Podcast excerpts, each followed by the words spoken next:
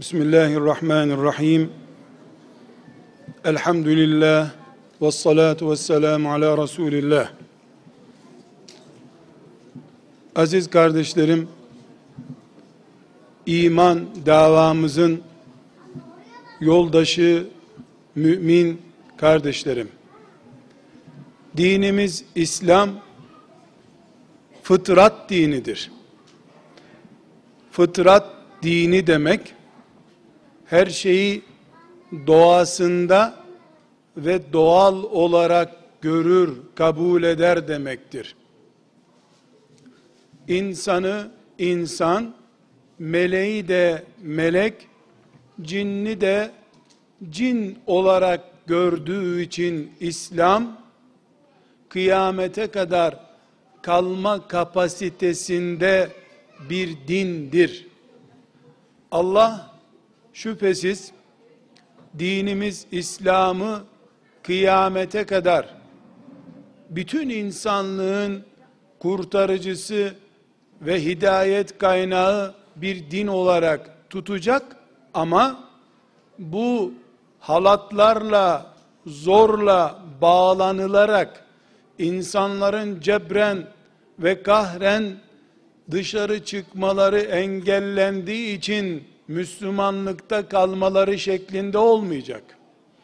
İnsanlar yaratılış tarzına uygun buldukları için İslam'a daldıkça huzurda derinleştikleri için ibadette yorulmaktan lezzet aldıklarını hissettikleri için Müslüman kalacaklar. İslam'ın fıtrat dini olması, doğal, tabii bir hayatta yaşanır din olması bu demektir. Kardeşlerim, İslam'ın dinimizin doğal bir din olması, Müslümanın bu dini yaşarken hiçbir zorluk çekmemesi tabiatına uygun tam bedenine göre ayağına kafasına göre numarası uygun bir kıyafet gibi olması namaz kılarken de geçerlidir. Müslümanın dünya hayatı dediğimiz ama aslında dünya ahiret ayırmamıza gerek kalmayacak kadar dinimizle bağlantısı olan ev hayatımızda da geçerlidir. Biz eğer evlerimizi şu kira ödeyerek ya da satın alarak oturduğumuz evlerimizi dinimizin bizi şekillendirdiği kurallara göre canlı tutabilsek bizim evlerimizde hissettiğimiz huzurumuz, ahengimiz hani hacıların bize tatlı tatlı anlattıkları Kabe'deki tavaf edişleri, orada namaz kılmaları esnasındaki hani iç huzurları var ya, şöyle tavaf etti, Hacerül Esved'i şöyle selamladı, işte şurada iki rekat namaz kıldı, diyor ya hacı efendiler evlerine döndüklerinde, bu din fıtrat dinidir ya, mümin peygamberi Muhammed Aleyhisselam'ın Kabe olarak gösterdiği yerde Rabbi ile buluştuğu için huzur hissediyor. Geliyor bunu tatlı bir hatıra olarak anlatıyor. Hacerül Esved'e tutarken uçacaktım az kalsın diyor. Doğru. Böyledir. Kabe'yi tavaf etmek budur. Böyle olması da gerekir zaten. Ama mümin insan senin dinin İslam Kabe'yi ömründe bir defa gidip ziyaret etmeni senden istiyor. O da zenginsen, o da sağlığın, sıhhatin yerindeyse, fakat senin evini her gün Kabeleştirmeni istiyor. Hacerül Esved'e tutarken cennetten gelmiş taş diye içinde elektriklenme hissediyordun ya. Vardı ya o anlattığın sahne. Çocuğunun başını okşarken de cennetim benim diye kalbin ürperdiği gün sen heyecanlı, samimi, doğal bir müminsin. Neden? Neden? Çünkü Allah Kabe'yi ömründe bir defa gel yeter demişti. Ama seni her gün sabah akşam 24 saat Kabe'yi tavaf edecek, Kabe'ye yönelip namaz kılacak çocuğunla baş başa bırakıyor. Ömrün boyu kilitli kaldığın çocuğunda ömründe bir defa hissettiğin Hacerül Esvet heyecanını hissedemediğin zaman sen doğal olan İslam'ı zorlanarak yaşayan bir Müslüman haline gelirsin.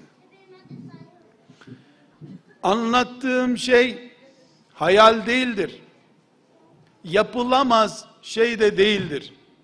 Biz ümmeti Muhammediz. Peygamberimiz bizim gibi insandır.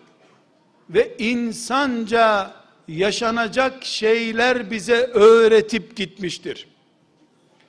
Bizim evlerimizin günlük Kabelerimiz olması gerektiğini bizzat sevgili peygamberimiz bize öğreterek gittiği gibi Allah'ın kitabı Kur'an da bizim kitabımız olan Kur'an da Musa aleyhisselamdan itibaren Allah'ın bütün müminlere evlerini Kabe gibi tutmalarını emreden bir kitaptır. Ben burada Hacerül Esved'e tutar gibi çocuğunun başını okşa diyorsam kitabım Kur'an fec'alû buyûtekum kıbleten dediği için böyle diyorum. Evleriniz kıblegah olsun. Yani Allah'a yöneldiğiniz yönünüz evinizden görünsün. Evinden belli olsan ey mümin dediği için Kur'an ömründe bir defa Kabe'de hissettiğin heyecanı ömrünün her gününde evinde hissetmen gerekir diyorum.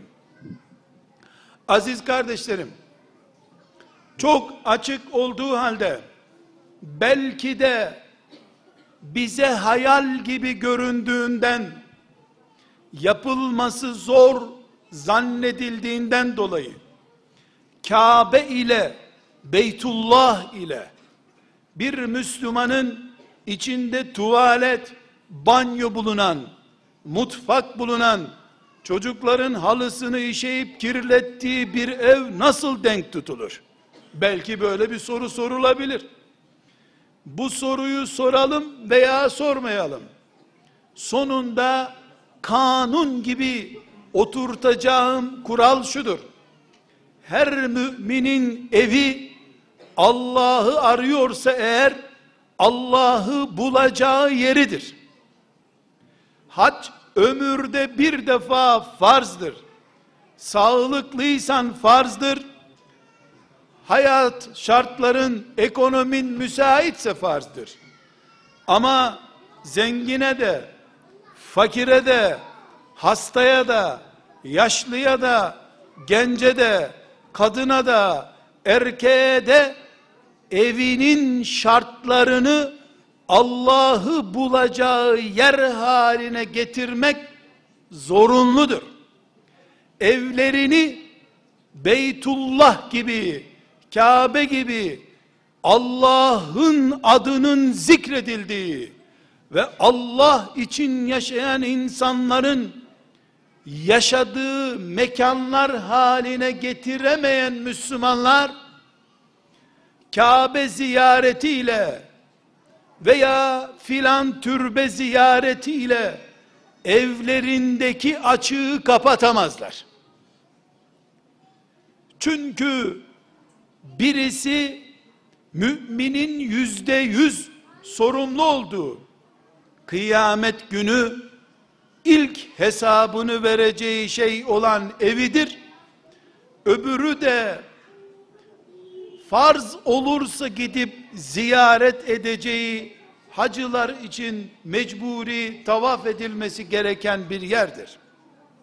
Biz müminler olarak fıtrat dini olan yani doğal şartlarda tabii kurallarla bize dindarlık vermek isteyen dinimiz İslam'ı anladığımızda görüyoruz ki bir Müslüman evini Kabeleştirerek 24 saatini Kabe'de tavaf eden hacı gibi Allah'a yakın ibadet, cihat kalitesinde yaşayabilir. Ne sayesinde müminin evinin kıymetini bilmesi sayesinde. Çünkü ta eski Firavun zamanından beri şeytan ve şeytanın sisteminin eli kolu olan güçler Allah'a giden yolları çarşılarda, sokaklarda ve siyaset meydanlarında hep tıkattılar. Tıkatmak istediler. Firavun da bunu yaptı, Nemrut da bunu yaptı. Büyük mabetlerde ibadet etmeyi yasakladılar. Çarşılarda, sokaklarda Allah'a imanın gereklerini yapmayı engellediler. Ama hiçbir zaman hiçbir sistem hiçbir otoriter güç hiçbir zalim Allah'a iman edenlerin evlerine hükmedememiştir. Eğer sokaklara, ticarete ve siyasete hükmedebildikleri gibi evlere de hükmedebilselerdi o sistemleri yıkacak olan Musa'nın İbrahim'in doğmasını da engelleyebilirlerdi. Neredeyse uçan kuşu bile kontrol ettiler, yatak odalarına yanaşamadılar. Dünyada insanın en mahrem yeri, bütün insanlık açısından, dini, sistemi ne olursa olsun, bütün insanlık açısından en mahrem yer yatak odası ve yatak odasının bulunduğu evdir. Zalimler sokaklara hükmettikleri gibi evlere ve yatak odalarına da hükmedebilselerdi kadınla kocanın Allah rızası için bir araya gelmelerine mani getirebilecek olsalardı yeryüzüne Musa gelmezdi, gelemezdi. Allah bütün alanlarda, sokaklar, siyaset, ticaret vesairede, denizlerde, karalarda şeytanın berbat etme projelerine izin verdiği halde yatak odalarına şeytanın proje açısından köklü engel getirmesine hiçbir zaman izin vermedi. Bunun içinde Kur'an ve Peygamberimiz sallallahu aleyhi ve sellem daraldığı zaman müminlere sığınak olarak evlerini gösteriyor. Camiler bile camiler bile Allah'a ibadet kıvamında yararlanamadığın yer olabilir. Gün gelir ezan susturulabilir. Gün gelir camiler inek ahırına dönüştürülebilir. Ama ebediyen bu dünyada yatak odalarının Allah'ın yeryüzünde imanlı nesil projesini geliştirme merkezi olarak faal kalması hiçbir zaman önlenemedi, önlenemeyecekti Allah'ın izniyle. Bunun için biz müminler olarak evlerimizi her ne kadar içinde mutfağı, tuvaleti, banyosu varsa da evlerimizi bizim açımızdan Kabe'ye yönelmiş asıl namaz unsuru olarak görürüz. Her ne kadar namazı kılan biz isek de evimizde namaz kılıyor gibi Kabe'nin şubesi olduğu zaman biz cennet umudumuz açısından zirveye çıktık. Buharlaşmaya başladık demektir. Kardeşlerim, sözlerim uzasa da, kısasa da, kısa kalsa da sonunda şunu söyleyeceğim. Gitmeyin hacca, zararı yok. Umreye gitmeyin, zararı yok. Mahallenizde cami olmasın, zararı yok. Kur'an kursunuz, imam hatibiniz olmasın, zararı yok. Eviniz olsun. Ama ev sizin olsun. Kafası başka sistemlere kiralanmış bir evde oturmayın. Allah'ın adının yüceltildiği evlerde oturalım. O evlerden bir tanesi ayakta kalsa, tek bir tanesi, onun da yarısı mümin olsa, yani tek bir ev kaldı, başka bir şey yok, o evin de sadece yarısı var. Bir tarafı Allah'ı yok diyor, öbür tarafı var diyor. Olsa bile örneği ne bu evin? Firavun'un evi. Firavun'un evi Allah'a imanın var olduğu tek evdi Mısır'da. Firavun ilah benim diyordu. Karısı Asiye de Allah diyordu. tek iman eden evinde yarısı olduğu halde hücrenin yarısı yaşıyor olduğu halde bugün yeryüzünde iman köklerine doğru geri götürüldüğünde Asiye isimli bir kadına dayanıyor. Bu da gösteriyor ki Firavun bütün dünyaya hükümran olduğunu zannetti. Kendi evindeki imanlı bir kadını unuttu. Musa'nın annesinin o korktuğu şeyin hamile kadını olduğunu da unuttu. Bilemedi. Değil Musa'nın annesinin evine hükmetmek, yatak odaları o kadar güçlü, mahrem, korunaklı ki Firavun kendi yatak odasını bile anlayamadı. Bundan anlıyoruz ki bizim iman davamız camilerden, minarelerden önce evlerimizde okunur bir davadır. Kardeşlerim, ev derken lütfen oda, salon, hol, duvar, pencere gibi kavramları söz etmediğimi lütfen anlayınız. Ben ev derken Allah'ın adıyla birbirine kadın ve koca olmuş iki müminden söz ediyorum. Konuşmamız beton ve tuğlalar için değil, insan içindir. Yani biz burada ev dediğimiz şey nikahla kurduğumuz aile yuvamızdır. Bu aile davamız demektir. Bu sözlerim bu mantıkla tekrar düşünüldüğünde ne demek istemiş oldum ben?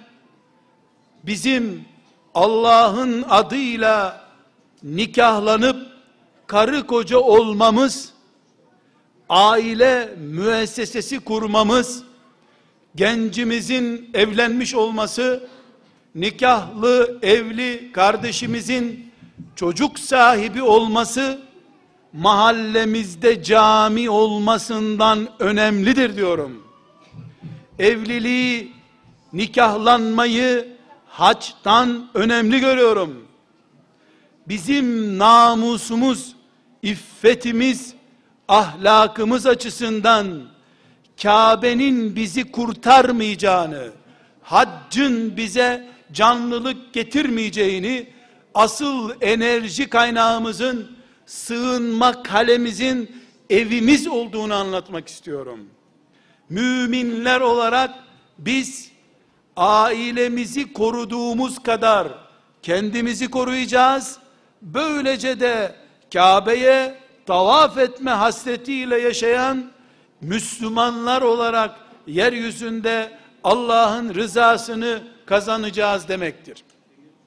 Bizim filan şer gücün mesela Kabe'mize zarar vermesi bizim için hangi duyguları uyandırıyorsa aynı duygular dağılmakta olan filan yuva için veya kurulması geciken filan yuva için, ev için, aile için içimizi sızlatmadığı sürece biz bu davayı anlamadık demektir. Kuru bir Kabe sevgisi taşıyoruz demektir. Kabe heyecanı taşıyan nesil yetiştirmedikçe Kabe'nin etrafında dönen kuru kalabalıkların Allah'ın rızasını kazanamayacağını anlamıyoruz demektir. Kardeşler, bu birinci kanunumuz. Tuttuk sözü hacdan önemli evlilik yerine getirdik. Şüphesiz farz olarak karşılaştıkları zamanı kastediyorum. O da farz, o da farz olduğu zaman önceliğin evlilik olduğunu söylüyorum. Ve evlerimizin Kabe'ye sel gibi akan müminlerin yetiştiği kaynak olduğu için evimizin değerli olduğunu söylüyorum. Oraya giden müminler, tavaf eden, yönelen müminler olmadıkça Kabe'nin ne değeri olacak? Taş değerli değil ki. Oradaki tavaf değerli. Oraya yönelmek değerli. Bunu da ancak mümin olarak kurulan evler gerçekleştirecek diyoruz. Kardeşler, bir hakikati daha perçinlememiz lazım. Hacca gitmek kolay bir ibadet mi diye sorulduğunda elbette kolay değil diyoruz. Kur'a çekmek gerekir diyoruz. Kur'a çeksen bile şöyle mi gidersin, böyle mi gelirsin? Bir sürü yükü var diyoruz. Kabe'ye ulaşmayı basit ve kolay görmüyoruz. Şimdi biz eğer hac etmeye muadil bazen de hac etmekten öncelikli aileden ve evden söz ediyorsak o zaman ev sahibi olmak evlenmek kolaydır denebilir mi? Hayır. Evlenmek bir ev sahibi mümin olarak yaşamak şu fani dünyada Allah'ın en çok sevdiği kulları olan peygamberlere bile istedikleri gibi nasip olmamıştır. Peygamberler yeri geldi kafirleri hizaya getirdiler. Ama evlerini, aile yuvalarını istedikleri gibi şekillendiremediler. Halbuki Kur'an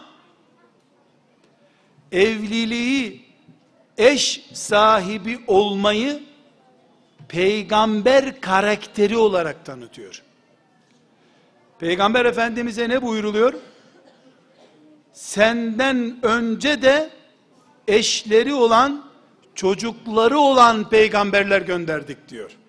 Demek ki peygamber demek eşi olur, çocuğu olur insan demektir. Ayet bunu çok açık söylüyor. Ama Kur'an-ı Kerim 25 peygamberin hayatından nispeten söz ediyor.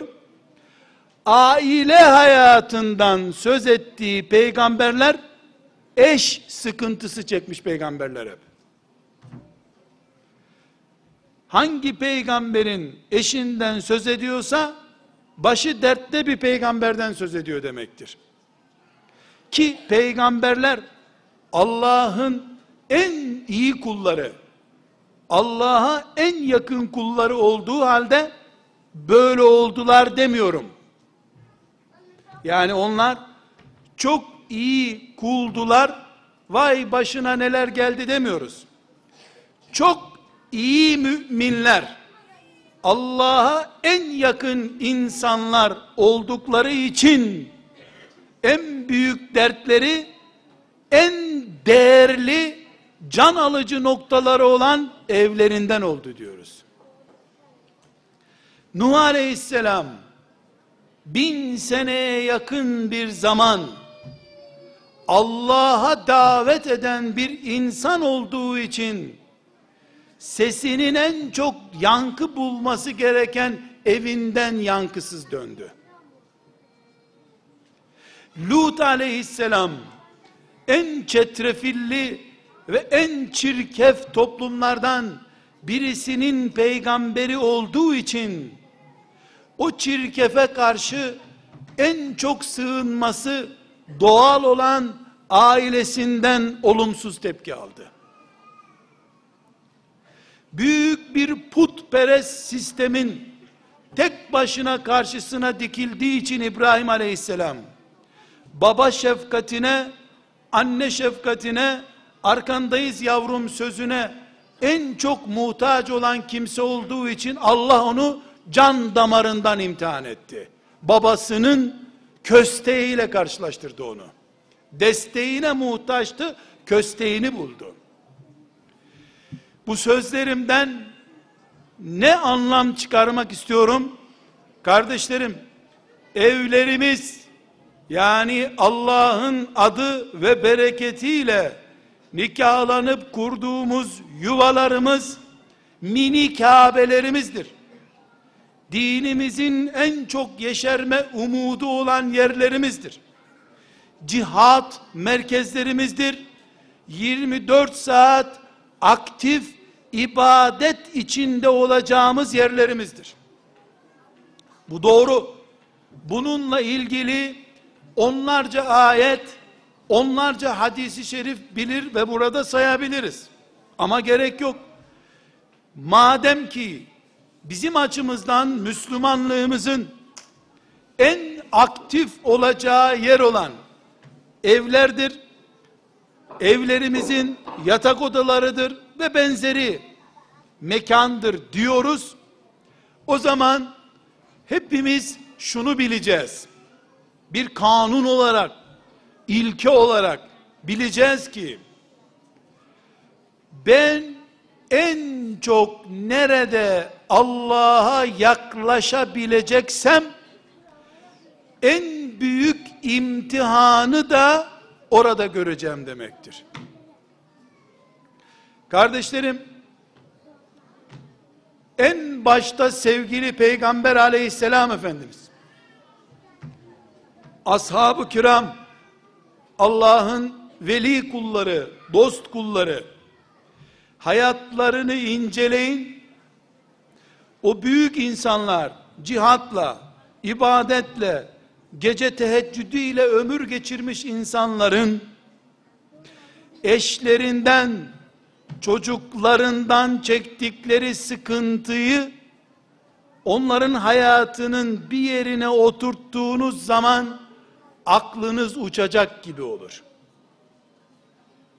Peygamber aleyhisselam efendimizin en çok üzüldüğü şeylerin bir listesini yapın. Yahu ne oldu demeye gelecek ani reflekslerini bir liste yapınız. 23 yıllık peygamberlik hayatı satır satır karşımızda. Mesela peygamberimizin üzüldüğü şeyleri sayınız diye herhangi birimizden ricada bulunulsa aklımıza hemen Ebu Leheb gelir, Ebu Cehil gelir. İşte şöyle eziyet etti, böyle etti. Belki de kadınlarımız derler ki bir de çocukları öldü. Altı çocuğu öldü sağlığında. O da üzüntüdür. Doğru. Bu da doğru. Ama Siret-i Nebi, Kur'an-ı Kerim'in olay olarak saydığı şeyleri okuyun. Bakın akşam kapısını kapattığı evin içinde ne sıkıntılar çekmiş. Nikahını göklerde meleklerin şahidiyle Allah'ın kıydığı kadınları vardı.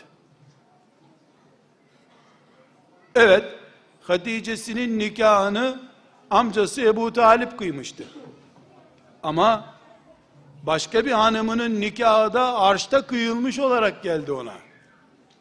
Göklerde nikah töreni yapıldı. Öyle bir yuvanın içinde çektiği sıkıntıyı, ailesinden karşılaştığı bunalımı Ahzab suresinde okuyabilirsiniz. Kur'an'dan, herhangi bir tarih kitabından değil.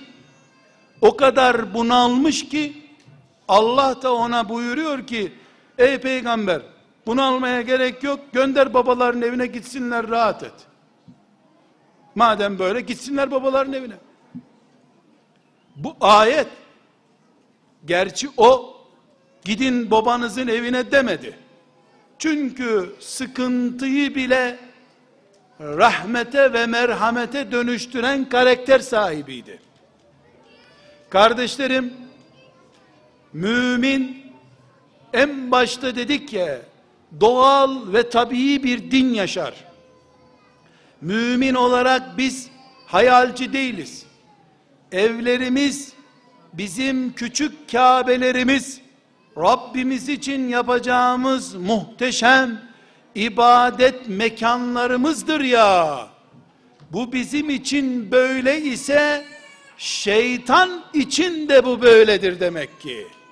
Şeytan da bizim en çok bunalacağımız yerin evlerimiz olacağını, evlerimizden gırtlağımızı sıkarsa bize nefes alacak bir mecal bırakmayacağını şeytan da bilir.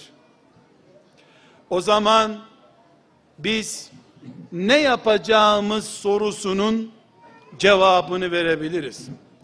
Değerli kardeşlerim, bir, evlerimizi küçük Kabelerimiz olarak bileceğiz. İki, bizim istediğimize göre bir ev kıyamete kadar yaşasan olmayacak. Bunu da bileceksin.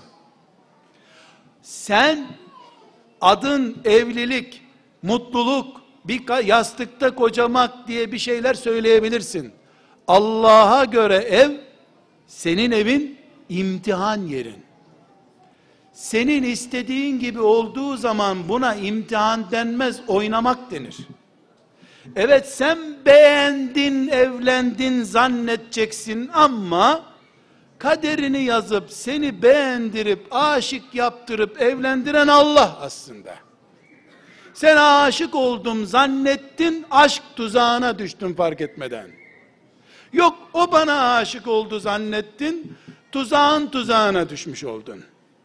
Biz kaderin neresinde olduğumuzu anladıktan sonra aşkın da, görücü usulünün de, okulda tanımanın da tuzaklardan bir tuzak olduğunu anlarız. Bize göre değil, Allah'a göre evlerimiz var bizim. Dolayısıyla imtihan halindeyiz. Yahu ben imtihan olacağım. Şunu şuraya koyun da rahat bir imtihan olayım diyecek halin yoktur.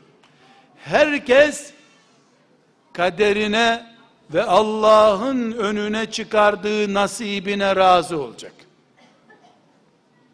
Olağanüstü ve istişare ettiğin mümin insanların istişare kararı dışında evlerimiz yani aile hayatımız nikahımızla alakalı olumsuz kararlar asla vermeyeceğiz.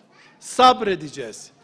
Nuh aleyhisselam 950 sene bir milletin gavurluk inadına sabretti diye onu örnek biliyoruz.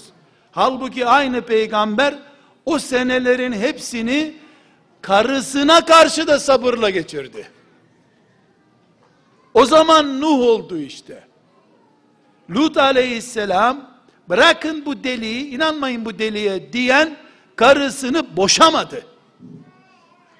O kadının kahrıyla Rabbine kavuştu. Senin ağzın ne kokuyor? Yahu ağzın kokmazdı senin diyen hanımlarına bak boşarım sizi demedi Peygamber sallallahu aleyhi ve sellem Efendimiz. Çünkü kazara boşasaydı bile öbürü gelecekti, imtihan öbürüyle devam edecekti. Yaşadığın sürece imtihan olman gerekecek. Kadın veya erkek, çocuk veya anne baba ne olursak olalım yuvamızın imtihan için girdiğimiz bir salon olduğunu bilmemiz gerekir. Salon imtihan salonudur.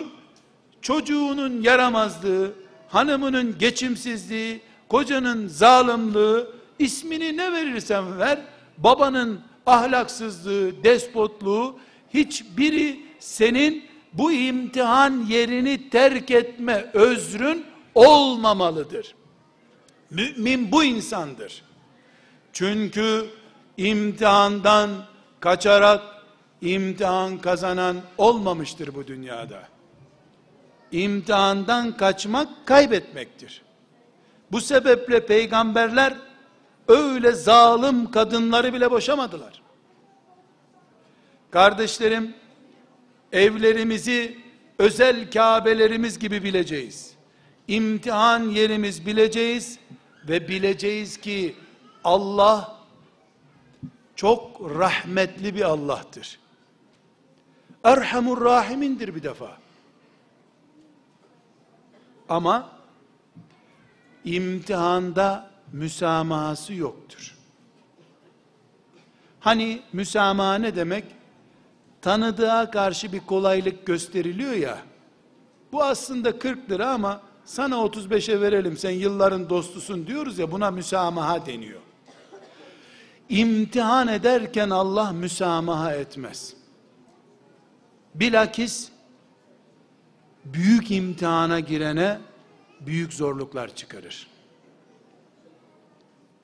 Hiç kimse Allah'ın en büyük imtihan noktası olan evlerini Allah'ın müsamaha ile ona kolaylaştıracağını zannetmesin.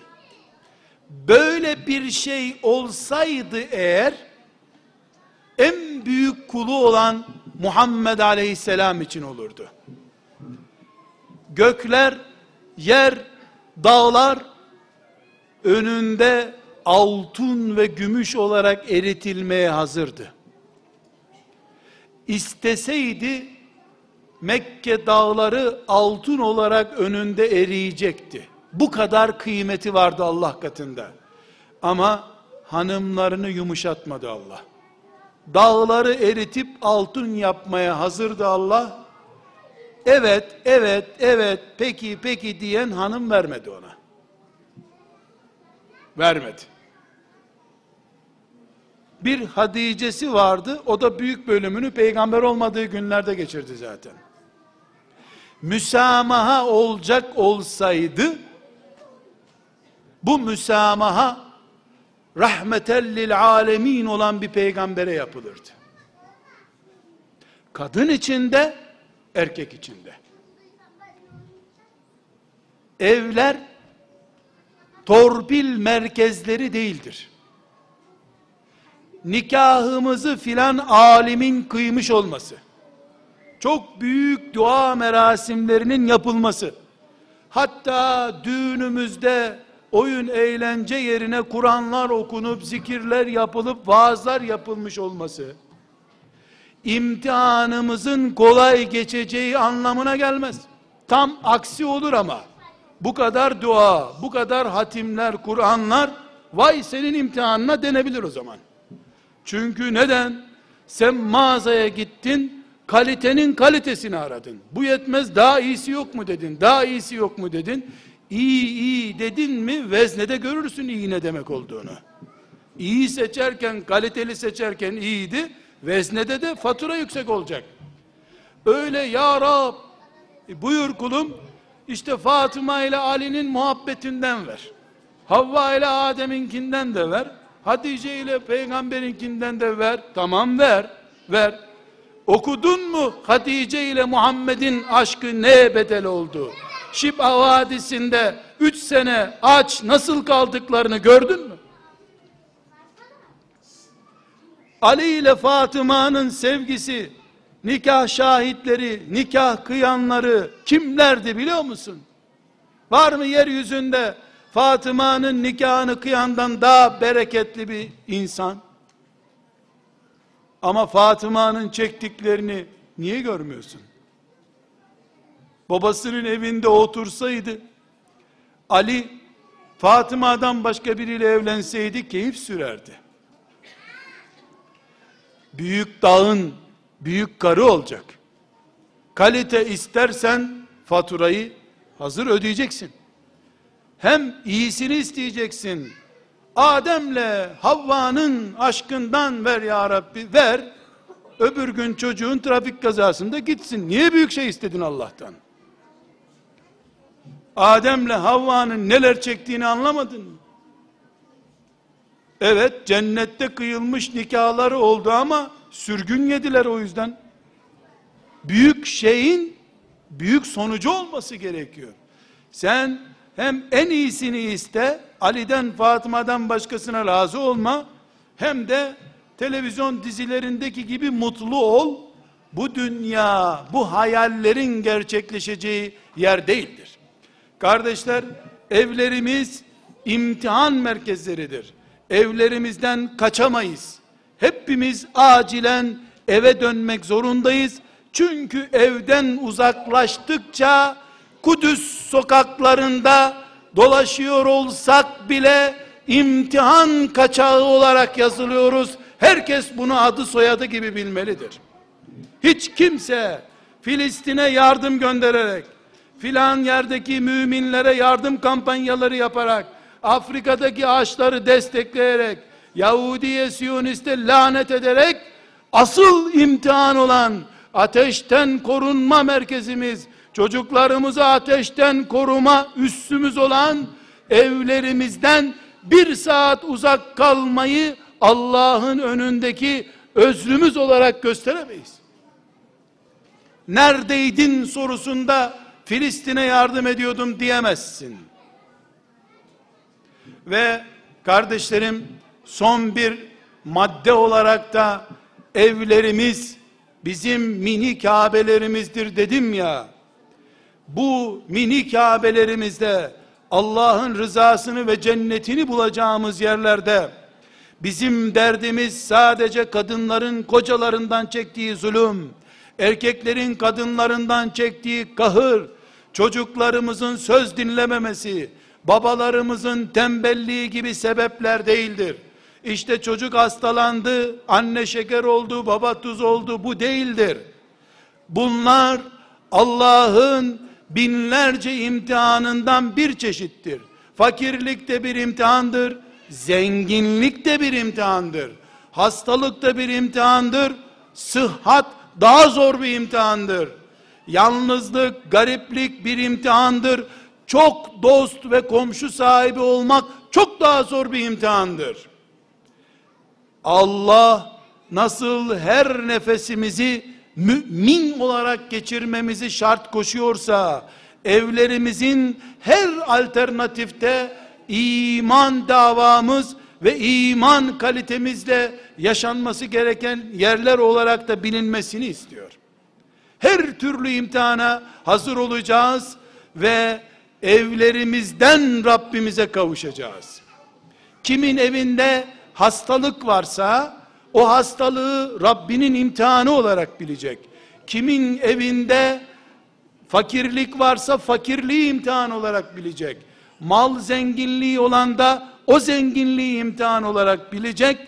Ama bir imtihanla meşgul oluyorum diye öbür imtihanları unutmayacak.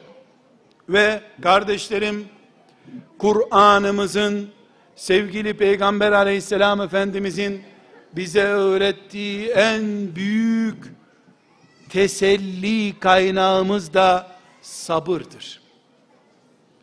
10 sene bir evin bereketini görmek için çok az bir zamandır. 20 sene de azdır. 50 sene de azdır. 70 sene hiçbir şey değildir zaten. Kardeşlerim, bir anne baba çocuğunu yaz aylarında camiye gönderdiği için veya Kur'an kursuna gönderdiği için ya da İmam Hatip Lisesi'ne gönderdi, hafız yaptığı için. Yani 5 sene 10 sene o çocuk üzerinde eğitim emeği verdiği için kendisini tamam görevini yapmış. Bu çocuk da Allah dostlarından biri. İmam-ı Azam'la yarışıyordur şu anda herhalde. Diye zannederse yanılır. Yanılır yanılır çünkü Nuh aleyhisselam Kur'an'ımızın buyurduğu şekilde tam 950 sene yalvardı, yakardı, ağladı, sızladı, etme yavrum, etme yavrum dedi. Sonra son gün bile ben senin Allah'ından kurtarırım, yükseklere çıkarım, boğamaz beni dedi. Böyle gavur, kafir, zalim biri olarak öldü.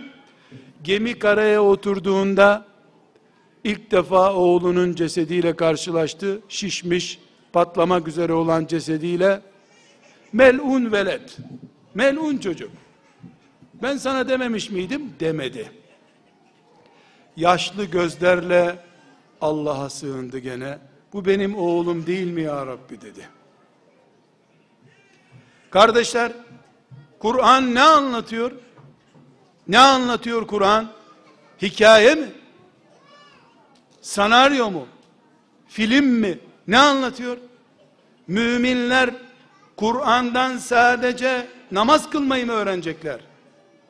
Müminler sadece İbrahim Aleyhisselam'ın ateşe atılışını mı anlayacaklar Kur'an'dan? Allah hiçbir hikaye yoktu da bunu niye anlattı? Demek ki Kur'an'a iman edip benim kitabım ne derse Kur'an ben ona göre yaşayacağım diyen mümin açıp bu sahneyi yani 950 sene yavrum kork Allah'tan kork Allah'tan diye bir peygamber kalitesiyle peygamber ihlasıyla Allah'ın en büyük beş kulundan biri olmanın büyüklüğüyle doğurduğu çocuğa yalvaracak, yalvaracak, yalvaracak 10 sene, 50 sene, 100 sene, 250 sene, 400 sene, 600 sene, 800, 950 sene sonra çocuğunun kafir olarak öldüğünü görünce gözleri yaşaracak ve Allah'a sığınacak. Bunu niye anlatıyor Allah? Bunu anlatıyor ki ey mümin sen üç sene Kur'an kursuna gönderdin diye, hafız yaptın diye, çarşaflı bir kızla evlendirdin diye, sakallı bir delikanlının eşi yaptın diye, işin bitti zannetme, en fazla 50 sene oldu senin bunu yaptığın, 900 senen daha var.